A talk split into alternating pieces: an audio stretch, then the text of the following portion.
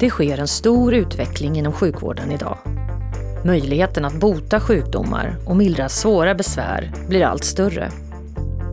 Men när resurserna är begränsade måste vi prioritera och då är det viktigt att vi satsar på det som bevisligen gör mest nytta. Men ibland ges inga garantier. Studier som gjorts ger helt enkelt inte tillräckligt tydliga svar. Då kan man väl inte köpa grisen i säcken? Eller finns det andra sätt att värdera nyttan? Sådana här frågeställningar är rätt vanliga för de två nationella expertgrupper som beslutar om införandet av nya läkemedel och medicinteknik. De heter Rådet för nya terapier och Rådet för medicintekniska produkter. Och hur de jobbar ska vi prata mer om idag. Välkommen till podden Rådet. Jag heter Therese Löfbom. Jag har med mig fyra gäster här idag för att prata om evidens och att fatta beslut eh, utifrån det och beprövad erfarenhet. Jag säger välkommen till dig, Gerd Lärfors. Kan du berätta om din roll i NT-rådet? Ja, tack så mycket. Jo, men min roll är ju att vara ordförande för NT-rådet som står för Rådet för nya terapier och är en del av samverkansmodellen för introduktion av nya läkemedel. Eh, så det är min huvudsakliga roll. Jag är läkare i botten och har tidigare arbetat inom Region Stockholm med läkemedelskommittéfrågor och innan dess inom akutsjukvård. Och så har vi Jan Liljemark och du är med i båda råden. Berätta. Ja, jag var ju med och startade upp det NT-rådet och satt även med i den som kallas för NLT-gruppen som var en slags eh, förstadium till eh, NT-rådet. Och det är väl snart tio år sedan. Och eh, sen för ett par år sedan så kom vi på en till rådet att vi hade inte möjlighet att ta hand om alla underlag från eh, TLV, Tandvårds och läkemedelsförmånsverket. Speciellt inte det som handlar om medicinteknik, så då startade man ett särskilt råd för medicinteknik.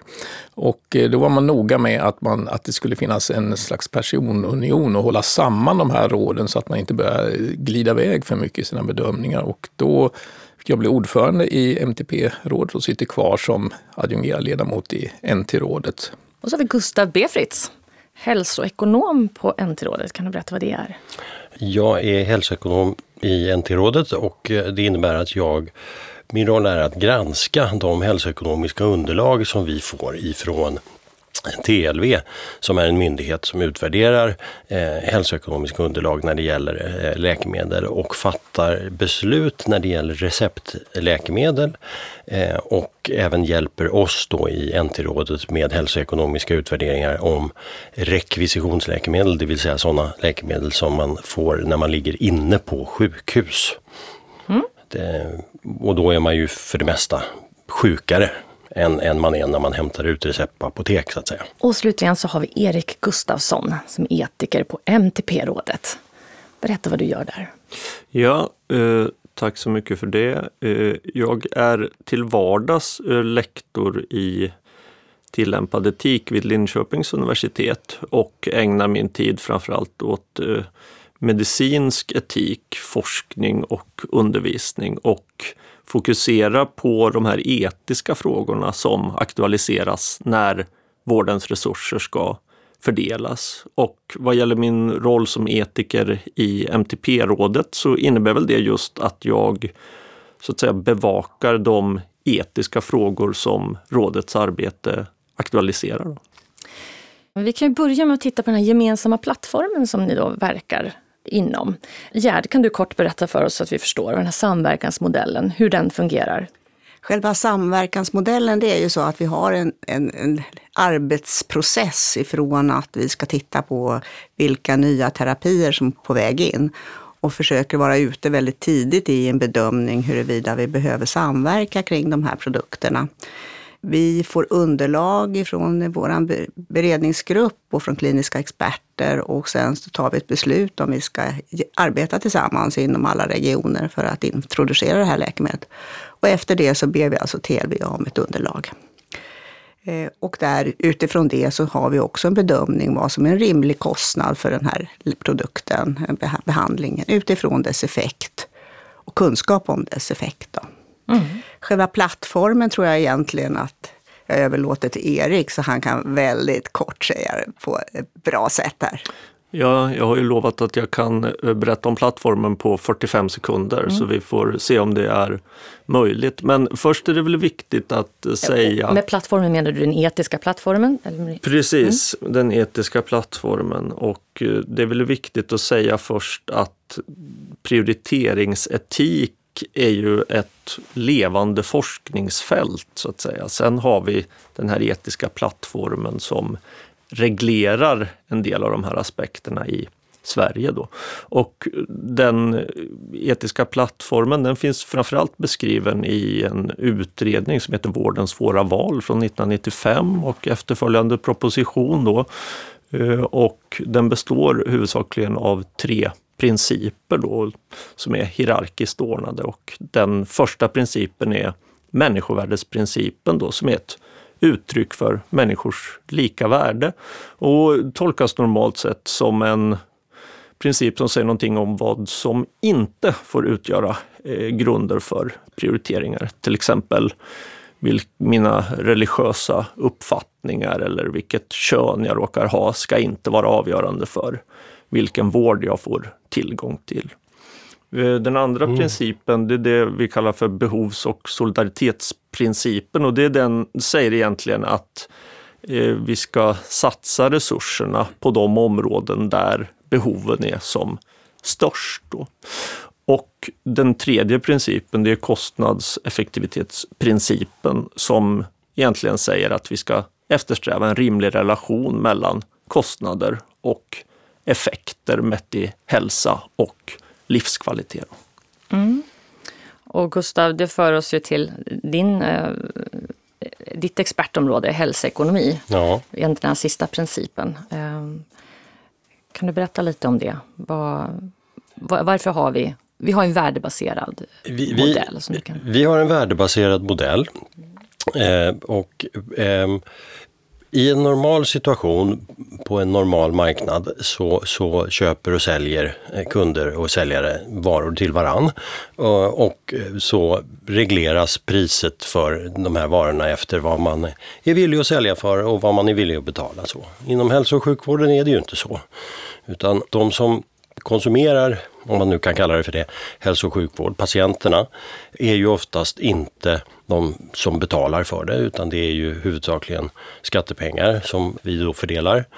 Och eh, de som väljer vilken vård eh, eller har störst inflytande över vilken vård som patienterna ska få är ju eh, oftast de behandlande doktorerna.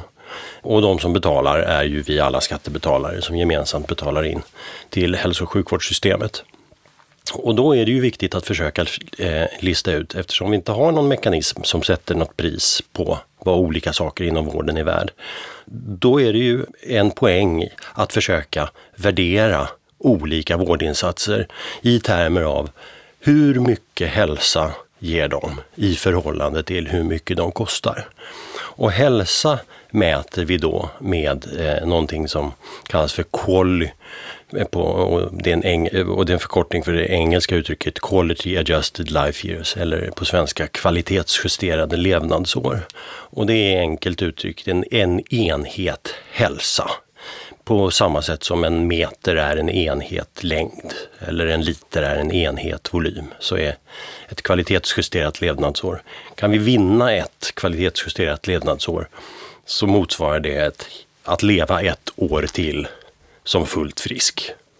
Och det är ju lätt när man då har precis man vet priset och man vet hur bra medicinen är så att man kan göra en, en bra jämförelse. Och eh, det vi är nyfikna på att borra lite i idag, det är ju då när det saknas evidens, vad gör man då? Eh, Jan, hur, är det ofta som det saknas evidens? När ni tittar på nya läkemedel och medicinteknik? Ja, det är väl sällan det helt saknas, men den kan vara ganska skral och den kan vara svår att värdera och det blir osäkra beslut. Och det som är viktigt att komma ihåg är ju att om man lägger resurser på en insats så innebär det att då kan man inte lägga den samma resurs på någonting annat. Och ibland kan det finnas annat som är minst lika angeläget. Och eh, om man då väljer att lägga det på någonting som är osäkert, ja då kanske man betala alldeles för mycket för någonting. Möjligen kanske lite för lite också, det vet man ju inte. Men risken är mycket större att man betalar för mycket för en vara när man har osäkra data.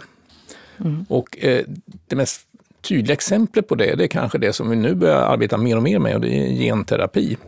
Och eh, där är det ju så att man eh, antar att genterapi, har man en gång ändrat liksom en gen så är det en livslång effekt och så tar man betalt därefter. Och eh, då finns det liksom, det kan inte bli mycket bättre än så. Men det kan ju bli mycket sämre om det är så att den här behandlingen inte har livslång effekt. Då kan vi betala alldeles för mycket för någonting idag som visar sig om 5, 10, 15, 30 år kanske att det var inte så bra som vi trodde. Så därför så är osäkerheten någonting som man behöver ta hänsyn till och kanske värdera. Mm. I, ja, rent i vilket pris som är rimligt om man har osäkra data. Så det går väldigt mycket ut på arbetet att liksom försöka se hur säkert eller hur osäkert är det här och vad innebär det för vårt sätt att prioritera. Ja, och då tänker jag att då håller vi på och jobbar med olika former av riskdelning, för det är det som förväntas utifrån vad vi ska anta om den här risken. Men fortfarande måste vi ha ett hum om hur mycket, hur bra det vi tror att det är för att kunna gå in i liksom lösningar kring riskdelning och vad innebär det? På vilket perspektiv ska vi liksom ha en riskdelning? Så att det finns många frågor som den här osäkerheten i underlagen väcker. Alltså hur ska man lösa det här hoppet om att man ska faktiskt få en jättebra behandling? Mm. Jag vill bara understryka det som Jan sa, att det, så att säga, varför det är så viktigt att ha dataunderlag. Det är ju just därför att när vi så att säga lägger pengarna på en åtgärd inom vården så betyder det att det är någonting annat vi inte gör. Och det där är ju ganska svårt för eh, en del att acceptera att det är på det sättet. När jag säger till studenterna och försöker beskriva den här situationen, då säger studenterna ibland att ja men så där är det liksom aldrig. Men det är ju snarast ett uttryck för att vi inte vet vad det är vi inte gör. Vi ser väldigt ofta den grupp eller de individer som får behandling. Men vi ser inte de som inte får behandling. Men jag menar, det att vi inte vet om vilka som så att säga inom situationstecken betalar priset, det betyder ju inte att det inte är på det sättet. Men det är ju det där som är den själva liksom, etiska utmaningen och det är därför man tänker sig att det är så viktigt att diskutera de här eh, frågorna då inom det här området. Mm. Eh, Gustav, när vi pratar just om eh, alternativkostnad, är det någonting som man tar in och hur räknar man med alternativkostnad? Ja, alltså sättet att eh, när vi, när vi om, omsätter eh, eh resultat ifrån, ifrån eh, kliniska studier till exempel när det gäller läkemedel och, eller medicintekniska produkter till sådana här kvalitetsjusterade levnadsår Ehm, då kan vi ju se så att säga om vi betalar, om vi köper läkemedel A för 100 000, ja då, då tjänar patienten som får den behandlingen ett kvalitetsjusterat levnadsår. Ehm, om vi köper läkemedel B för 200 000 för ett kvalitetsjusterat levnadsår, ja då innebär ju det att då, då hade vi kunnat behandla två patienter med A och fått dubbelt så mycket hälsa för samma mängd pengar mm. som vi använder för att köpa det dubbelt så dyra läkemedlet. Som, som bara ger en kolli till en person så att säga. Det. Så det, det, är ju det som är alternativkostnaden. Det är om vi väljer att ge hälsa, använda resurserna för att köpa någonting som ger hälsa till några, å ena sidan. Då kan vi inte använda de pengarna till att köpa hälsa till någon annan grupp å andra sidan. Och det kanske är så att de pengarna hade räckt till mer hälsa mm. för den här andra grupperingen. Men den är, precis som Erik var inne på, den är så stor eller den är så oidentifierbar så att säga. Alla gamla eller många gamla som bor på, på äldreboende eller någonting sånt. Som kanske bara får en, en liten försämring utav sin vård. Men i, om, man, om man så att säga slår ihop alltihopa, hela mängden utav de patienterna, så blir summan utav den förlorade hälsan som, som går åt till att köpa det dyra läkemedlet blir ju densamma. Sen kan man komplicera det ytterligare. Du jämförde kolli med eh, meter eller liter, men det är ju inte så enkelt egentligen. Om kolli är liksom mätvärde på eh, patientnytta så kan vi säga att i och med att vi har den här behovs och solidaritetsprincipen så värderar vi ju faktiskt olika quality olika mycket beroende på hur svårt sjuka patienter vi, vi pratar om. Och eh, det innebär att ibland så är vi faktiskt benägna att släppa två kolli för att rädda en om det är så att den där ena kollin gäller en patient som är mycket svårt sjuk. Medan de två kolli kanske är, gäller några som har en mera ja, irriterande tillstånd men inte livshotande och, och så vidare. Så att eh, det gör att det här matematiken är inte så enkel som den kan verka i början. Och, eh, det är där vi sitter också och ska som, värdera hur mycket hälsa är vi beredda att offra för att rädda mm. hälsa i en grupp som är extra angelägen. Och jag tänker att det här med att vi pratar om eh, liksom, osäkerheten då och så pratar vi om här och nu kollis och det är lätt att greppa. Men när vi börjar komma in på det som du sa Jan, alltså genterapier med liksom, livslångt perspektiv och lägga in osäkerheten. Och vad betyder vunnen hälsa om 10-20 år och hur ska vi tänka där? Då, blir, då, då kan man ju lätt förstå att det här är jättesvårt att göra någon form av risk riskvärdering av hur, och vikta den här osäkerheten. Eh, och hur ska vi göra det på bästa sätt? Liksom? Mm. Och vad finns det för, jag tänker på, du pratade om risker förut. Vad, det, vad finns det för, för risker med att välja, välja fel här? Ja, men jag tycker det har, det har både alla eh, lyft här, att det är ju det att vi använder våra resurser på någonting där vi har en väldigt stor osäkerhet. Och, och, då, och som jag nämnde också så pratar vi om hur ska vi riskdela. Oftast kommer det här upp med att vi ska ha avtal och följa upp och utfall. Men det här är ju ändå eh, vi måste ju ändå inse att vi väljer att lägga pengar här och nu på någonting och vi måste ändå vikta för att vi förlorar någonting idag på en osäkerhet i framtiden. Så jag tycker att det där med att liksom ha riskdelning på sikt också innebär, måste man också fundera över när, i vilket läge är det värt att gå in i den typen av lösningar. Liksom. Men jag tänker i relation till vad den etiska plattformen säger och Jan har ju sagt nu att behovsprincipen till exempel Eh, innebär att vi kan acceptera högre kostnader för en del qualis, till exempel om det är svårt sjuka patienter och sådär. Eh, en annan eh, implikation som man kan tänka sig att behovsprincipen har, det är att vi kan acceptera större osäkerheter när ett, en behandling eller en medicinteknisk produkt riktar in sig på svårt sjuka patienter. När det gäller genterapi och osäkerhet, och vi pratar om riskdelning. Jag ser att det är ju i princip omöjligt att riskdela för någonting där vi inte vet för om 30, 40, 50 år om vi verkligen fick valuta för pengarna. Det går liksom inte att vänta så länge. Det är inget företag som säger att ja, okej, om vi får betalt om 50 år istället, när ni vet hur det gick med de här patienterna. Om det finns kvar någon region eller och så vidare. Då.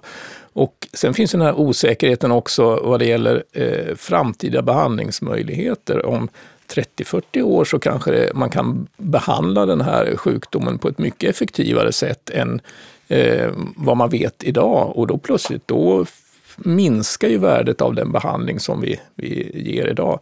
Det gäller kanske i första hand när det gäller såna här preventionsbehandlingar där vi förebygger ett svårt tillstånd idag genom att behandla i kanske 10-20 år.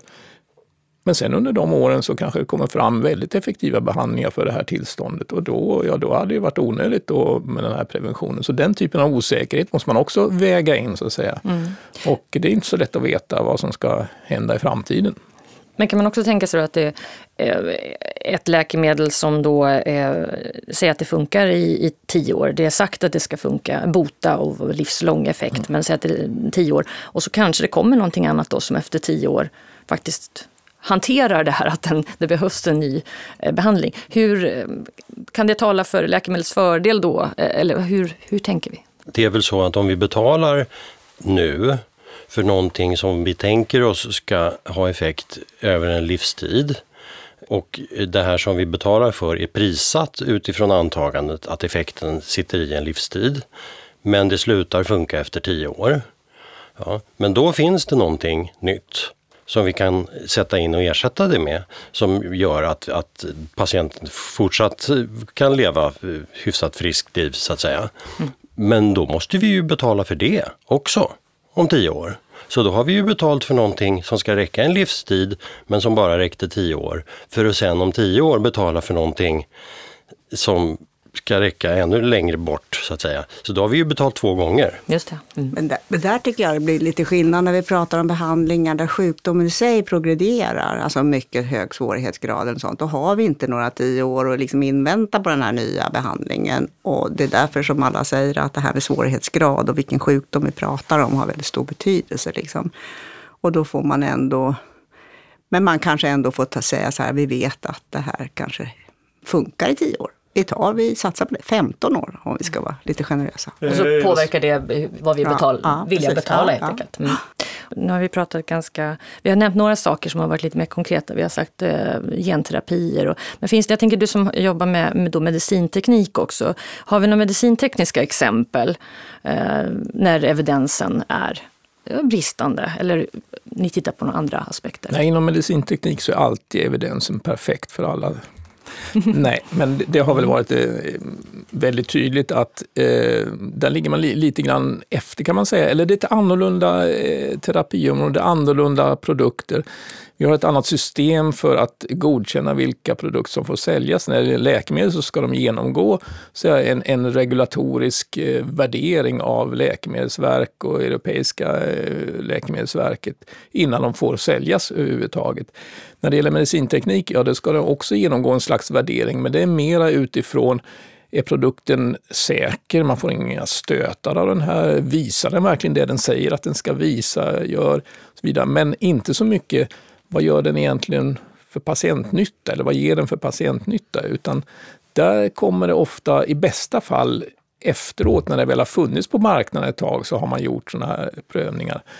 Nu kommer det där att ändra sig ganska radikalt, i varje fall för de mer mm, avancerade medicintekniska produkterna i och med ett nytt regelverk som säger att man måste kunna visa på prövningar som ger patientnytta också innan man får introducera vissa produkter på marknaden. Det där kommer att träda i kraft, eh, jag tror nästa år eller näst nästa år. Det är en stor förändring för företagen som hittills har så att säga, kunnat överlämna åt köparen att testa om produkten verkligen ger det som man eh, vill ha. Kan du ge något exempel där? Du, bara för, så man förstår.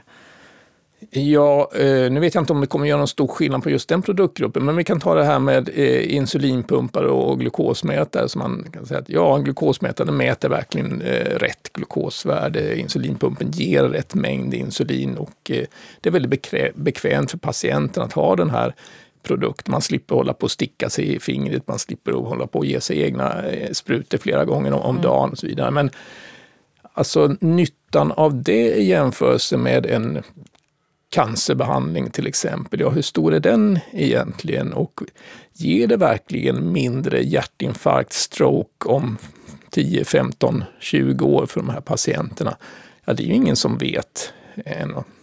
Så att där skulle man behöva lite mer hårda data på att ja, det här gör verkligen patientnytta, inte bara i form av ett bekvämare liv med mindre oro kanske för att man ska få för, framförallt för låga blodsockernivåer. Men man Ja. skulle vilja lyfta in en skillnad då, eh, som ofta påtalas mellan läkemedel å ena sidan och medicinteknik och kanske andra eh, insatser å andra sidan. Alltså eh, inom läkemedelsforskningen när man gör kliniska prövningar, då ser man ju den här golden standard framför sig, kanske en eh, randomiserad kontrollerad studie där man har flera armar så att säga och eh, en grupp får experimentell behandling och en grupp får placebo.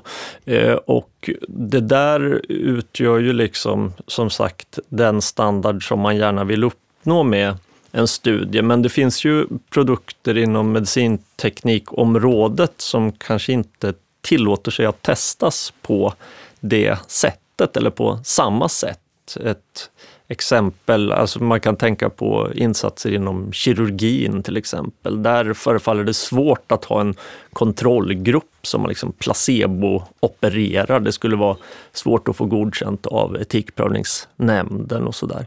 Eh, men med det sagt så innebär ju inte det att vi inte kan göra några studier på eh, kirurgiska ingrepp och medicintekniska produkter. Men det finns en viss skillnad där eventuellt. Alltså jag skulle vilja säga emot lite grann där för att det görs ju en hel del sådana här så kallade sham-studier med kirurgi där man bara gör ett snitt i huden på patienten medan den ligger och sover eller i lokal bedövning och så gör man ingenting mer och så på andra så gör man en fullständig knäoperation och sen ser man och det är förbluffande vilken effekt det har att bara göra ett litet snitt i huden på patienter. Många blir ju väldigt mycket bättre. Alltså. Så att det här är oerhört viktigt med de här eh, kontrollerade studierna. Då. Men ett annat område som man kan ta fram då, det är till exempel en ny form av röntgenapparat till exempel som ger bättre bilder. Eh, vad är det värt? Innebär det att flera får rätt diagnos eller inte? Eller är det bara att röntgenläkaren känner sig säkrare och får snyggare, klarare bilder att titta på? Vad ger det för nytta i praktiken? Är det värt liksom den högre kostnaden och så vidare? Mm. Det låter Då, helt omöjligt att bedöma. Ja, och, och vilka tillstånd? För en röntgenapparat kan man använda på massa olika indikationer och eh, exakt på vilka gör det skillnad med den här bättre bildkvaliteten?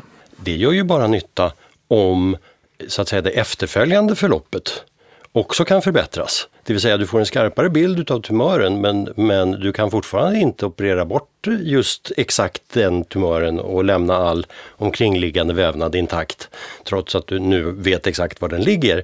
Men, men, men kirurgens skicklighet är ju fortfarande så att säga begränsar hur bra Även om du kan se tumören bättre så kanske du inte kan åtgärda den bättre. Nej, bara för den sakens skull. Men det jag egentligen ville säga var att, att, att det är ett, ett stort eh, en stor utmaning, eh, tror jag, eh, som vi kommer att behöva hantera, eh, framförallt på medicintekniksidan, är ju den i grunden positiva men mycket snabba och omfattande teknikutvecklingen som sker för närvarande. Där det ju bara spottas fram nya appar appar och olika klockor man kan ha på sig som mäter det ena och det andra och så vidare och så vidare. Hur vi ska värdera det och framförallt hur vi ska ta, eh, ta hänsyn till om det ska omfattas utav sjukvårdssystemet eller om det inte ska göra det. Hittills har ju till exempel inte sådana här Fitbits eller, eller vad det nu heter som man har på sig som klockor eller Apple Watches eller något sånt där. Det får man ju köpa själv. Och det finns det ju uppenbarligen väldigt många som är villiga att göra. Och betala för, för egna pengar.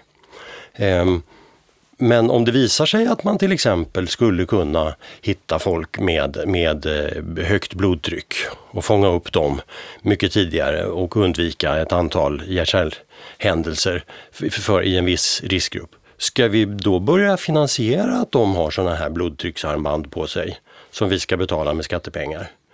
Eh, och, och, så. Så, så, att hela den här teknikutvecklingen spär ju på utmaningen kring vad vi ska använda våra gemensamma resurser till. Mm. Jan, ska vi, ni hade ju ett ärende för ett tag sedan om tyngdtecken där var just mm. det här med evidens var ett eh, problem. Kan du berätta om det? Mm. Nej, men det var ju väldigt intressant ur en vetenskaplig synvinkel eh, det här ärendet därför att eh, det fanns en stor användning av tyngdtecken, eh, den förskrivs från sjukvården, framförallt eh, för att eh, lindra sömnbesvär. Det fanns då en rad prövningar som visar att patienterna sov mycket bättre sen de hade börjat med tyngdtecken än innan. Sen när man började titta på de här tunga studierna där man både hade frågat patienterna eller föräldrar, i den mån det var barn, om hur patienterna sov och sen hade man mätt det också med sån här eh, elektronisk utrustning eh, och ser hur man verkligen såg. Då visade det sig att patienter och anhöriga kunde gradera sömnförbättringen väldigt tydligt medan när man mätte på ett mer objektivt sätt så såg man ingen effekt. Och det igen visar väl det här att så här, placeboeffekten, förväntningseffekten kan vara väldigt stor på vissa eh, insatser. Mm. Och eh, sen var det väl så att vi insåg också att de här tyngdtäckena, de är ju inte jättedyra. Speciellt inte om man köper dem ute i handeln. Och att det är mycket är det så att de som upplever att de har en bra effekt, ja de kan faktiskt bekosta de här själva. Det är ingen stor liksom, ojämlikhetsproblem med att man får betala vissa saker själv istället för att sjukvården ska engagera sig i mm. det. Ja, det är ganska stor skillnad mellan det och genterapier som är ja, väldigt dyra. jo, väldigt... och vi eh, måste ju som sagt prioritera och det här kanske är någonting som vi då ska prioritera ner. Dels för att tillståndet kanske inte är jättesvårt och dels för att man själv kan avgöra om man vill ha den här och bekosta den här produkten. Här hade vi en medicinteknisk produkt där det ju gick att göra studier. Man hade till och med gjort studier, men man hade haft problem med att visa på effekten här. Det. Och, och, det som är intressant där, det är ju att här gick det ju då inte att blinda, så att säga. Det är svårt att liksom, patienten inte ska veta om man har tyngdtäcke eller, eller inte, även om vissa hävdade det. Men här fanns det då ett objektivt mätsätt. Sen finns det ju andra insatser, även läkemedel, där det inte går att blinda effekten och där man mäter subjektiva utfall. Och då kan man ju undra, hur mycket kan man då lita på den när man inte har, liksom, kan korrelera till något mer objektivt sätt att mäta? Många sjukdomar går ju inte bara att ta ett blodprov eller eh, på något sätt annat mäta eh, liksom, mm. hur sjuk man är. Nej, och väldigt många sjukdom, eller väldigt många läkemedel bygger ju liksom på en, att man har historiska kontroller eller att man hänvisar till någonting annat. Där det har funnits eh, andra förutsättningar för att behandla patienterna. Mm. Och när man vet ganska lite om de patienter som man jämför med eftersom man inte har samma data. Och det är ju väldigt vanligt när det gäller sär, riktigt man säger, särläkemedel, ultrasärläkemedel, där man har få patienter. Man kan säga att där finns det kanske en rational, men man måste ju ändå vara kritisk till vad är jämförelsearmen. Liksom. Och Gerd, jag tänker det här, eh, det finns ju, NT-rådet eh, har säkert, om du kan ge några exempel, har, NT-rådet haft eh, ärenden då på, på mm, läkemedel som har, där det finns, funnits kanske löften om eh, evidens som kommer eller att man på, ska visa på lång sikt att de här är effektiva men sen har det liksom inte kommit. Ja, alltså jag tycker att många beslut om marknadsgodkännande kan ju vara villkorat och där förväntar man sig uppföljningsdata och det är data och när man har tittat på de som har granskat vad, hur många av de här läkemedlen som har kommit in, eller företag som har kommit in med uppföljningsdata, så är det ju långt ifrån alla som är ålagda. Och det kan ta väldigt lång tid.